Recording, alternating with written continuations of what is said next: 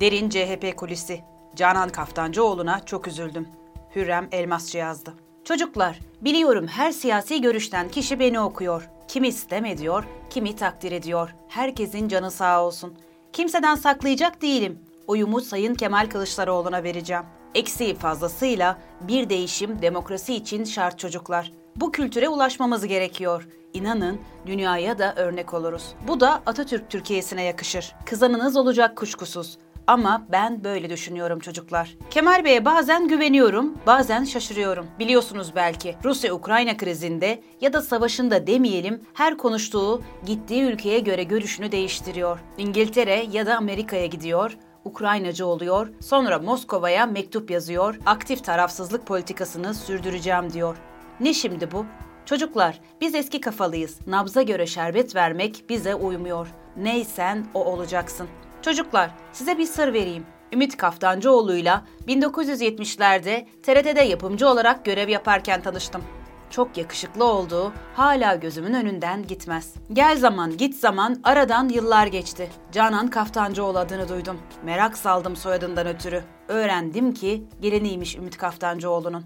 Oğlu Naki Bey'le evliydi. O saatten sonra Canan Hanım'a kanım kaynadı, çok sevdim. Bazen bu köşede hakkında yazdıklarımdan alındığını duydum. Ama ister inanır, ister inanmaz kızım, torunum gibi sevdim. En son 14 Mayıs 2023 milletvekili seçim listesi belirlemelerinde yaşadıklarını öğrenince Sayın Kılıçdaroğlu'na sistem ettim. Şundan dolayı kızdım çocuklar. Siz de kabul edersiniz ki Canan Kaftancıoğlu CHP İstanbul İl Başkanlığı'na seçilerek sembol isim oldu. Bir modern kadın olarak İstanbul'a yakıştı. Bir kadın doktorun siyasette il başkanlığına seçimle gelmesi bizim gibi Orta Doğu ülkesinde nadir. Gerek Kemal Bey'e, gerek Ekrem Bey'e destekleri için de minnettar oldum.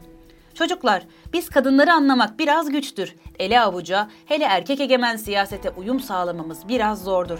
Canan Hanım'ın başına da bunlar geldi. Karadenizli, dik kafalı kadındı çünkü. Önce nedense Sayın Ekrem İmamoğlu'yla sorun yaşadı. Ne gerek vardı hiç anlamadım. İstanbul örgütü bu gereksiz gerginlik yüzünden bölündü.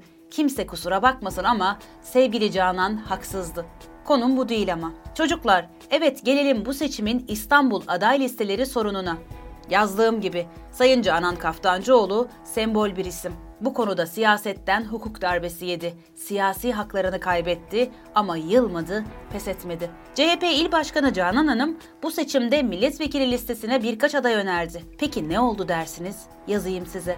İstanbul 1. bölgede Suat Özçağdaş 12. sıraya kondu. Oysa Özçağdaş CHP'nin Üsküdar'da başarılı olmasını sağlayan ilçe başkanıydı. Seçilebilir mi? Kesin değil.